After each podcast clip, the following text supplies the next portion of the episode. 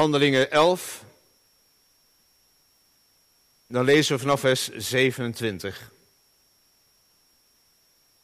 En in die dagen kwamen enkele profeten vanuit Jeruzalem naar Antiochië.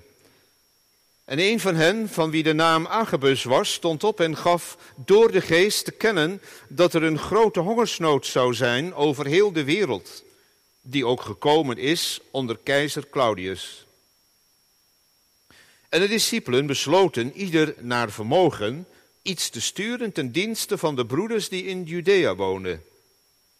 En dat deden zij ook. En zij stuurden het naar de ouderlingen door de hand van Barnabas en Saulus.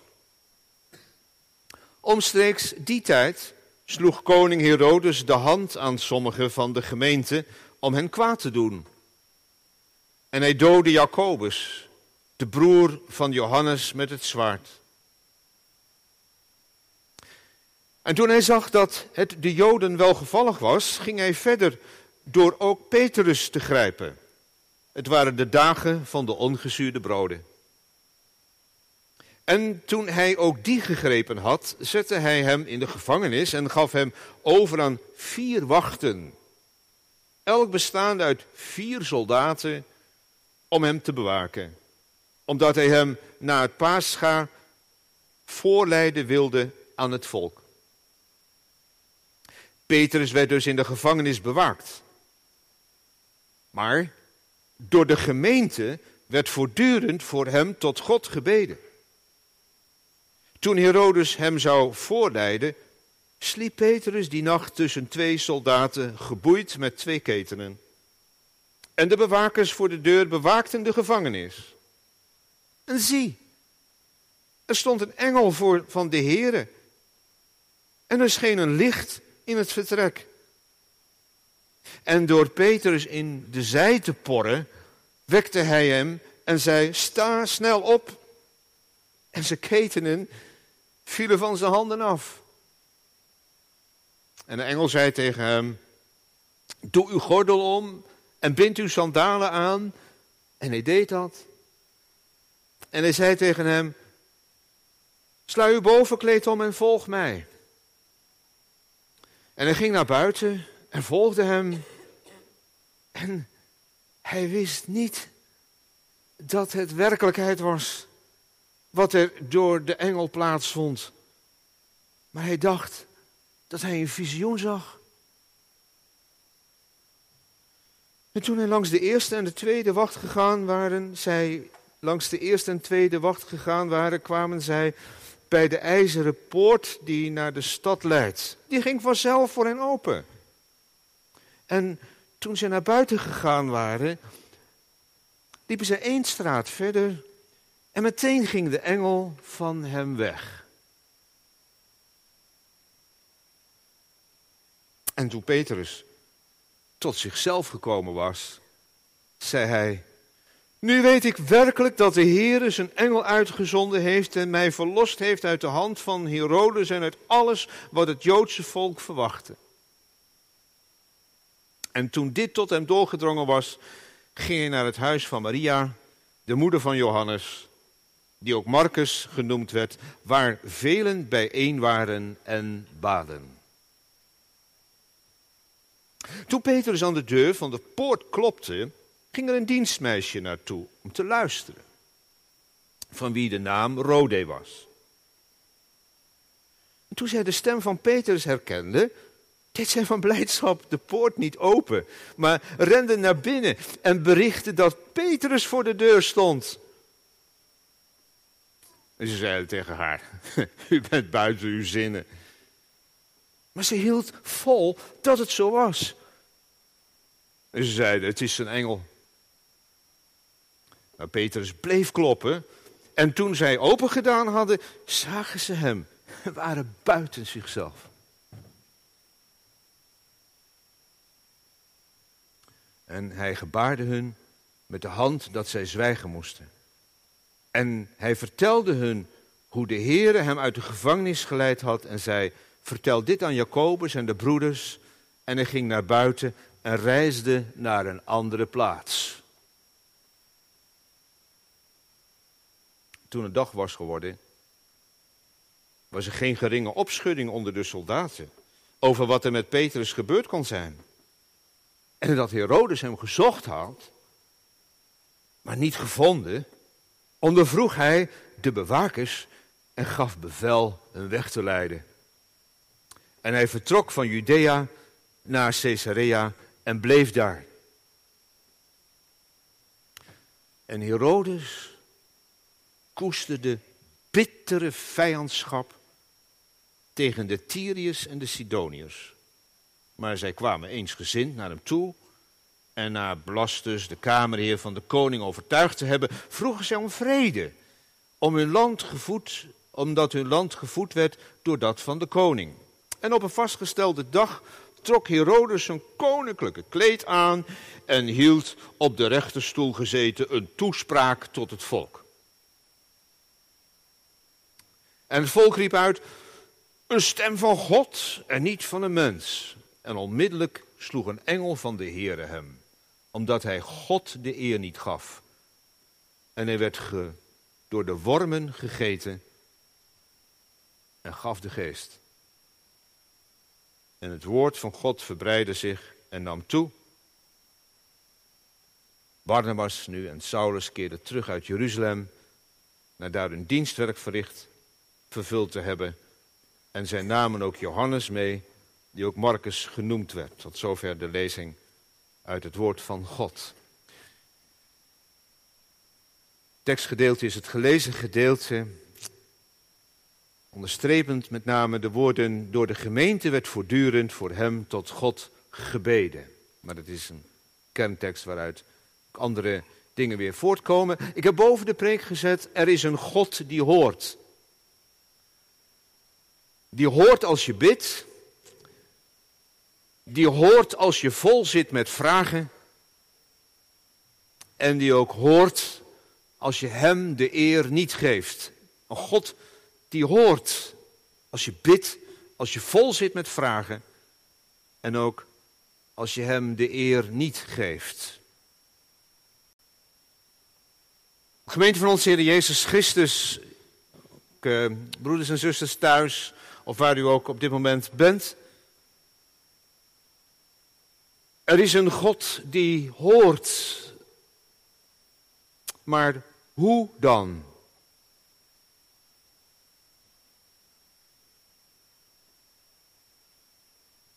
Omstreeks de tijd, zo begint hoofdstuk 12, sloeg koning Herodes de hand aan sommige van de gemeente om hen kwaad te doen.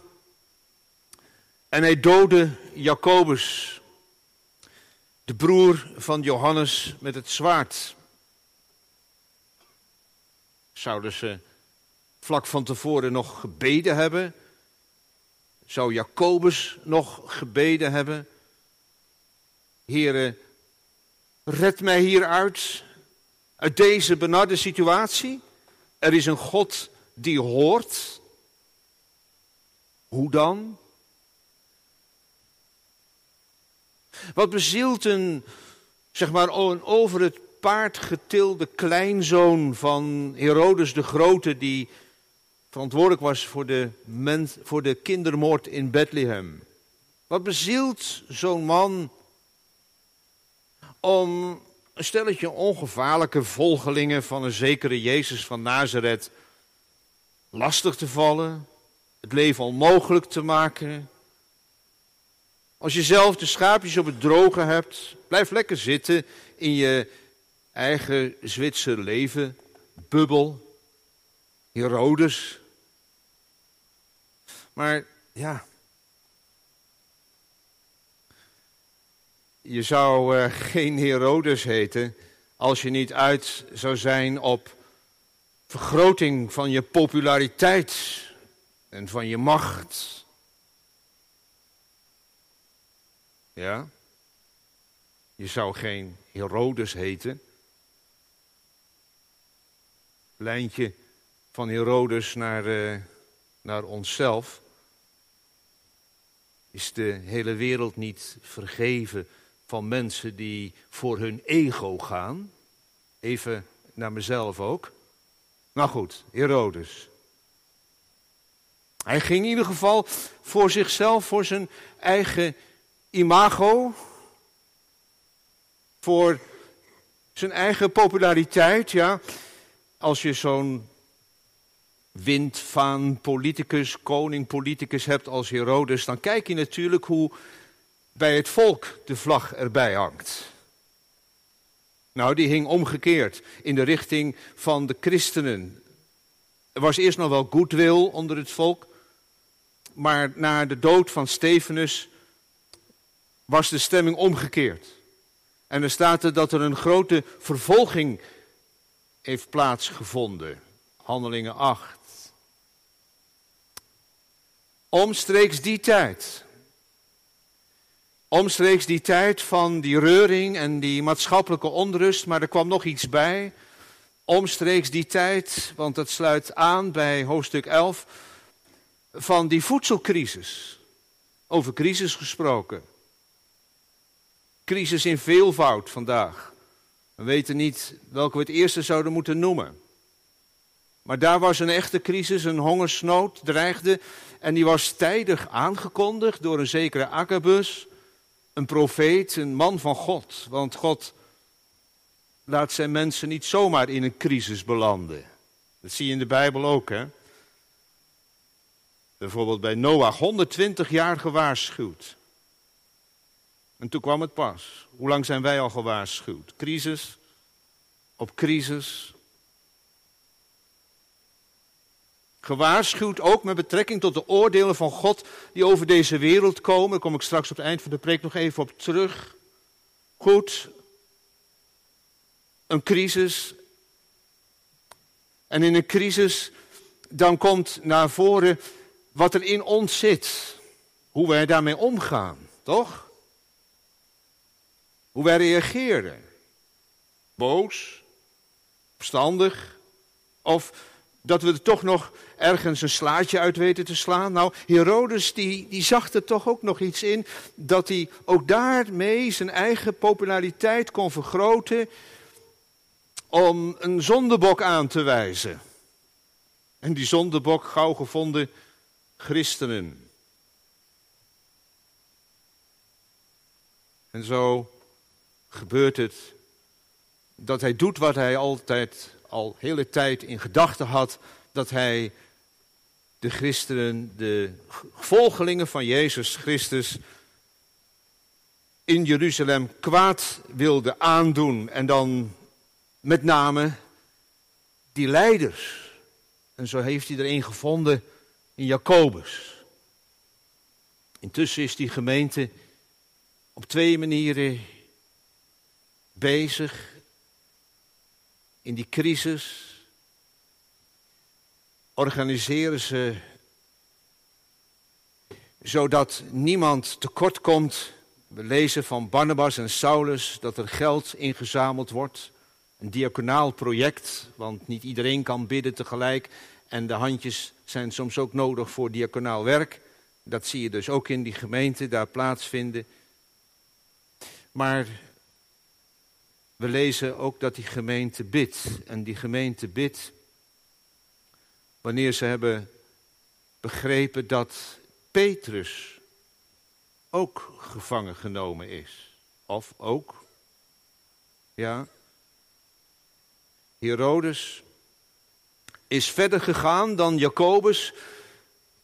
En toen hij merkte dat dat toch ook wel goed wil kweekte bij de leidende klasse, bij de religieuze leiders, dacht hij nou de grote vis, Petrus, gevangen genomen.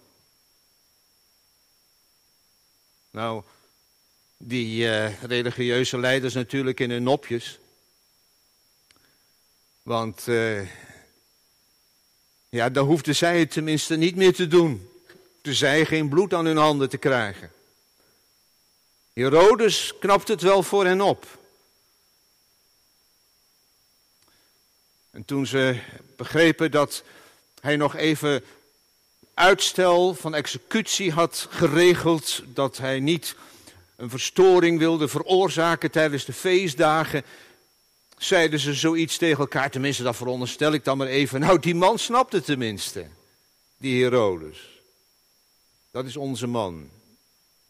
En zo wist Herodes te scoren bij het volk en bij de religieuze leiders met het gevangen nemen van Peters. Maar één ding, één dingetje, hey, één dingetje had hij dus niet bedacht. En eh, de duivel die kan natuurlijk heel veel bezig zijn in die geestelijke strijd die er in de wereld is. En allerlei slimme dingetjes bedenken.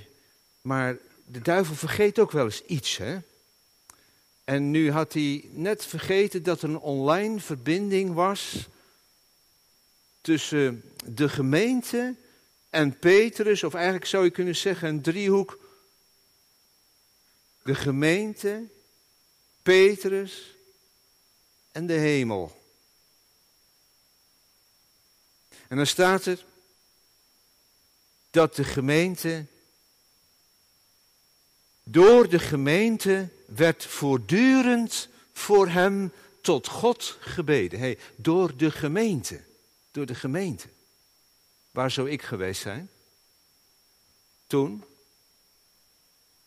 Ook bij de gemeente, bij die biddende gemeente, of zou ik er alleen maar over gehad hebben, gepraat hebben? Nou, even meenemen die vraag. Door de gemeente. Dus niet alleen door de voorganger, niet alleen door een gebedscommissie of een gebedsteam. We hebben mensen hier in Gouda, heel veel mensen.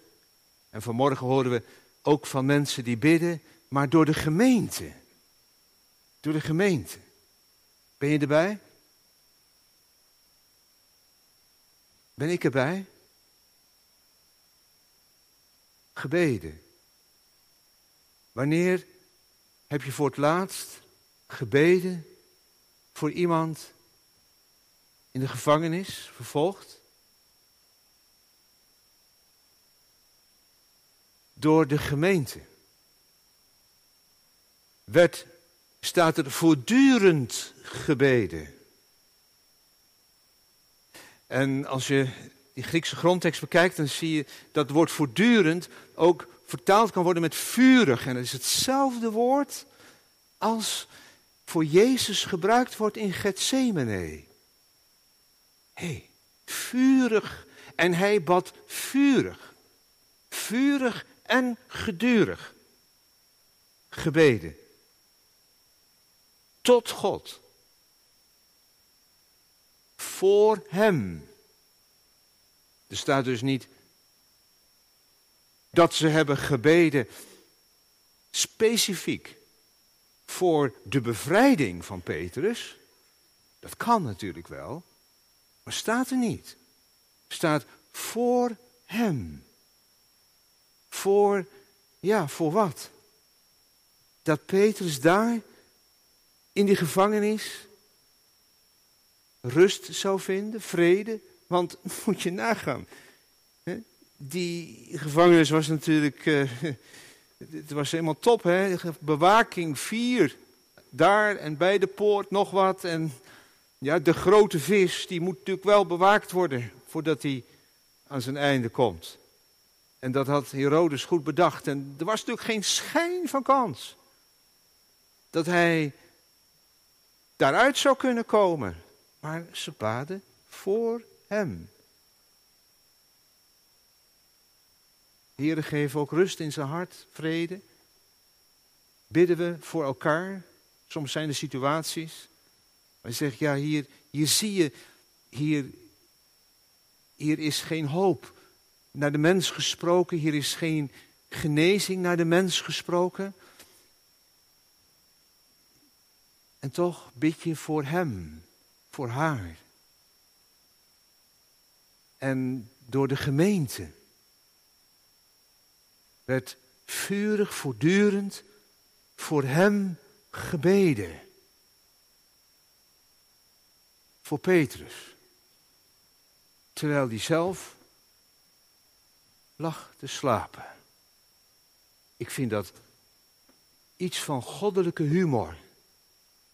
Waarom zeg ik dat zo?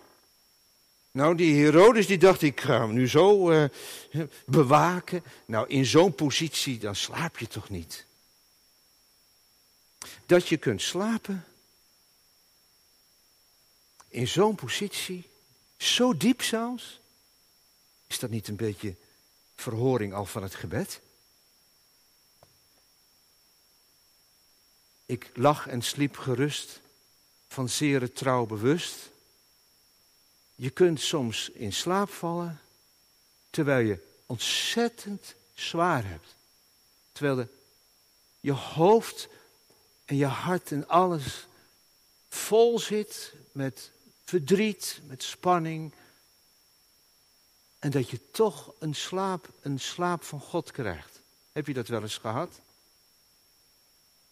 Petrus sliep.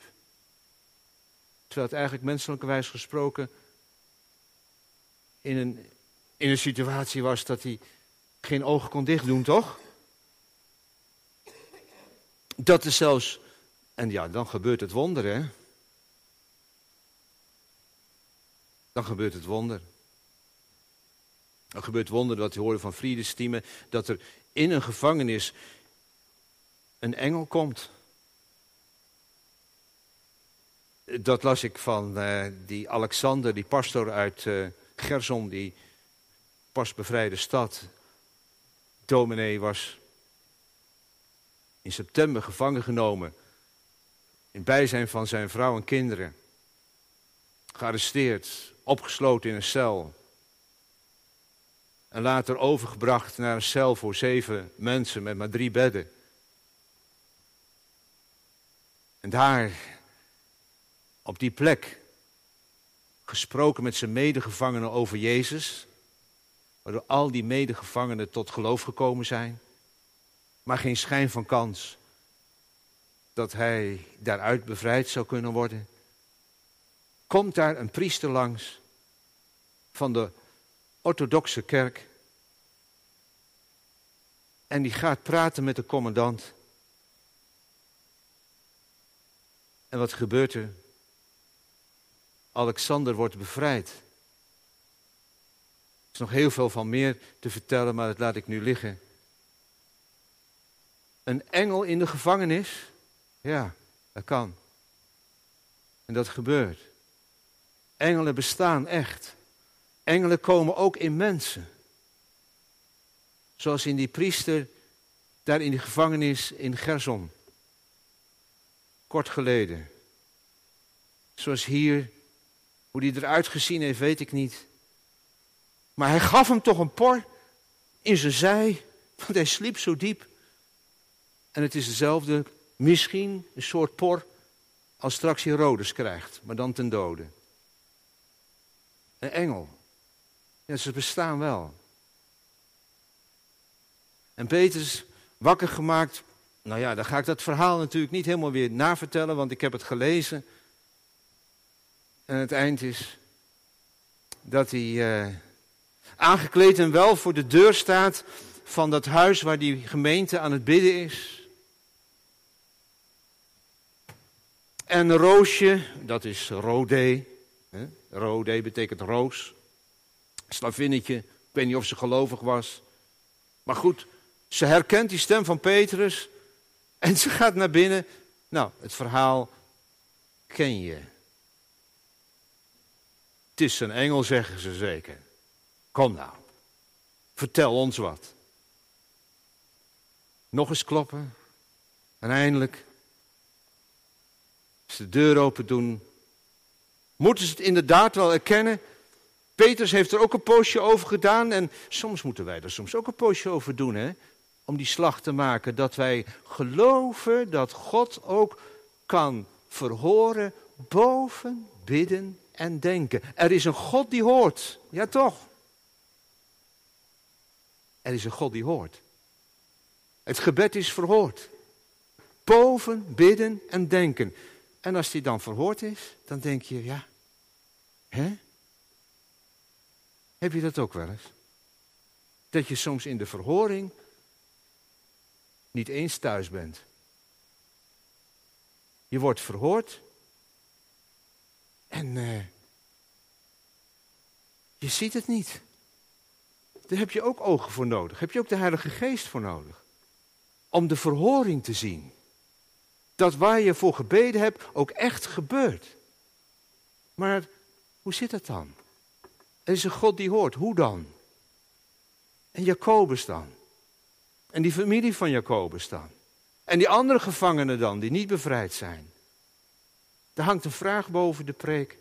Er is een God die hoort, maar hoe dan? Petrus bevrijd, Jacobus gedood. Hé, hey, het is al gezegd door uh, Kees, is dat niet een beetje een westerse vraag? Dat wij een beetje zo vanuit onze visie op het leven soms de draad kwijtraken, want het klopt toch niet? Een beetje een westerse vraag. En ook een vraag die de gemeente, tenminste ik lees het niet dat ze die hebben gesteld. Ik lees niet dat ze de straat opgegaan zijn, maar ik lees ook niet dat ze zoiets tegen God hebben gezegd. Hoe, hoe kon het toch dat Jacobus is gedood, Heere God? Nee, dat lees ik niet. Ik lees dat ze gebeden hebben.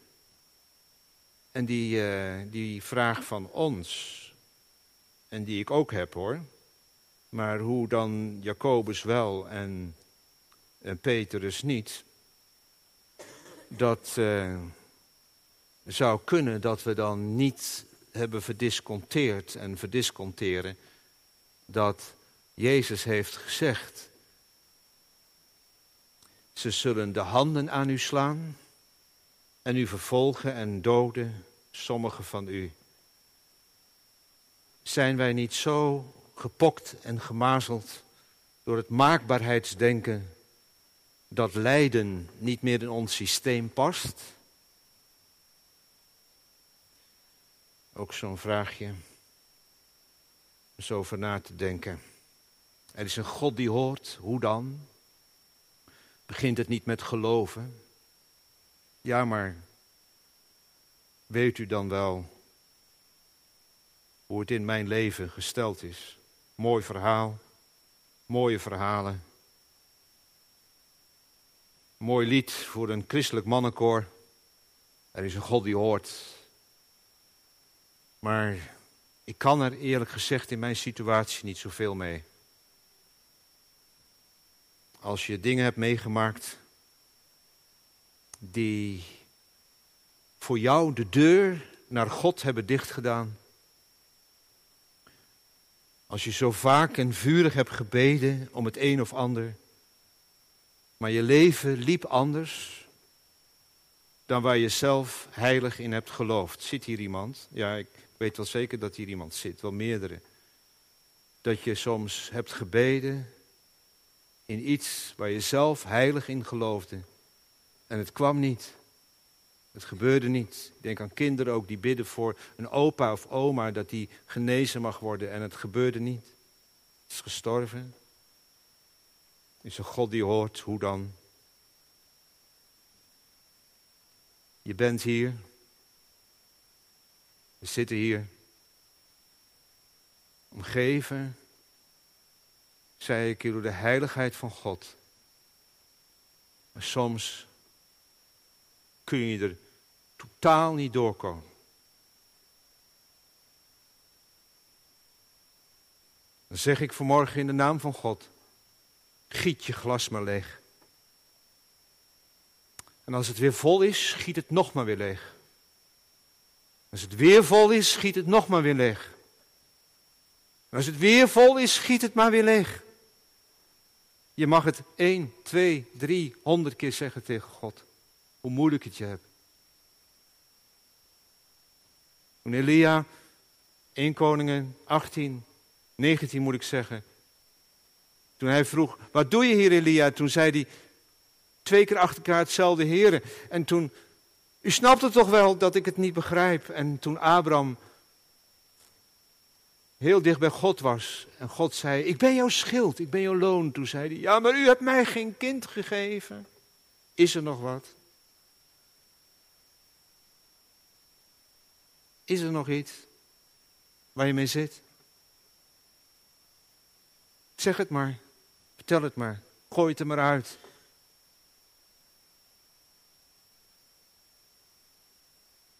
Ik ben vanmorgen naar jou gekomen. Zegt God. Ik ben vanmorgen naar jou gekomen. Zegt God vanmorgen tegen jou. Ik ben vanmorgen naar jou gekomen met jouw twijfels. Met jou niet meer in mij kunnen geloven of nog nooit in mij hebben kunnen geloven. Omdat je nog nooit van mij iets hebt gezien, gevoeld, ervaren. Ik kom bij jou, zegt God vanmorgen, met jouw boos zijn op mij. Met jou mij niet begrijpen. Met jou gestopt zijn met jouw bidden. En tot jou zeg ik, tot jou, ik heb jou gehoord. Want God is van het horen. God is van het luisteren. God is van het je open horen en je open luisteren. Kom maar, vertel het nog maar eens een keer. En over die schaamte ook die je voelt en die zonde die je niet langer voor mij bedekt kunt houden. Ik heb er werk van gemaakt, zegt God. Ik heb werk gemaakt van jouw moeite en jouw zorg en van jouw zonde. En omdat ik zo ontzettend van je hield en houd, gaf ik mijn eigen zoon. Omdat ik zo van je hield en houd, heb ik hem uit de dood opgewekt. En ik zeg vanmorgen tegen jou, jij bent met hem opgestaan. En jij leeft in hem. En dat is toen jij gedoopt werd gezegd. Maar je hoorde dat misschien. Nee, je hebt dat niet gehoord toen. Maar ik zeg het je nu. In Hem, als je in Hem gelooft, heb je het eeuwige leven. En als je het allemaal niet kunt bevatten, laat los en houd Christus vast. Het eeuwigheidsleven heb je. Ook al gaat het dan soms niet zoals je wilt en verlangt. Dit is jouw troost. Met lichaam en ziel. Dit is jouw troost. Ben je het eigendom van Christus. Dat zegt God vanmorgen tegen je. Wanneer je op Hem, alleen op Hem, je vertrouwen stelt. Ook al heb je dan nog duizend vragen, al begrijp je me soms niet. Ik blijf jou met liefde dragen. Ik, mijn lieve kind. Ik die ook jouw leven overzie. Jij hoeft niet sterk te zijn. Jij hoeft het niet alleen te doen. Jij blijft ook in tijden van lijden en van eenzaamheid van mij. Er is een God die hoort om Jezus wil, die altijd leeft om voor Hem te bidden, die door Hem tot God gaan. Er is een God die hoort als je bidt en als je vol zit met vragen. En het laatste. Als je hem de eer niet geeft. Dat ook. Dat ook. Als je hem de eer niet geeft. Laatste stukje, Herodes. Het is een verschrikkelijke afloop. Herodes komt aan zijn eind. Op een verschrikkelijke manier. We hebben het gelezen. Wat hoor ik hierin? Er is een God die hoort. Hij hoort ook als wij hem vervloeken. Hij hoort Ook als wij hem niet de eer geven. Hij gaf God de eer niet. Dus een appel. Heb jij God de eer al gegeven? Herodes komt aan zijn eind. Maar dit is het begin van Gods doorbraak naar zijn koninkrijk. Dit is het begin van de grote dag van de afrekening die komt. Het kwaad wordt gestraft in Jesaja 29. Want de geweldhebber, geweldpleger zal omkomen. Het zal uit zijn met de spotter. Daar hoor ik evangelie in. U ook? Een boodschap van hoop voor de vervolgde kerk ook vandaag. Het kwaad zal worden gestraft. Houd vast wat u hebt daarom, totdat ik kom. En het woord van God verbreidde zich en nam toe. Eer aan de Vader, eer aan de Zoon, eer aan de Heilige Geest. Zoals het was in het begin en nu en altijd tot in de eeuwen der eeuwen. Amen.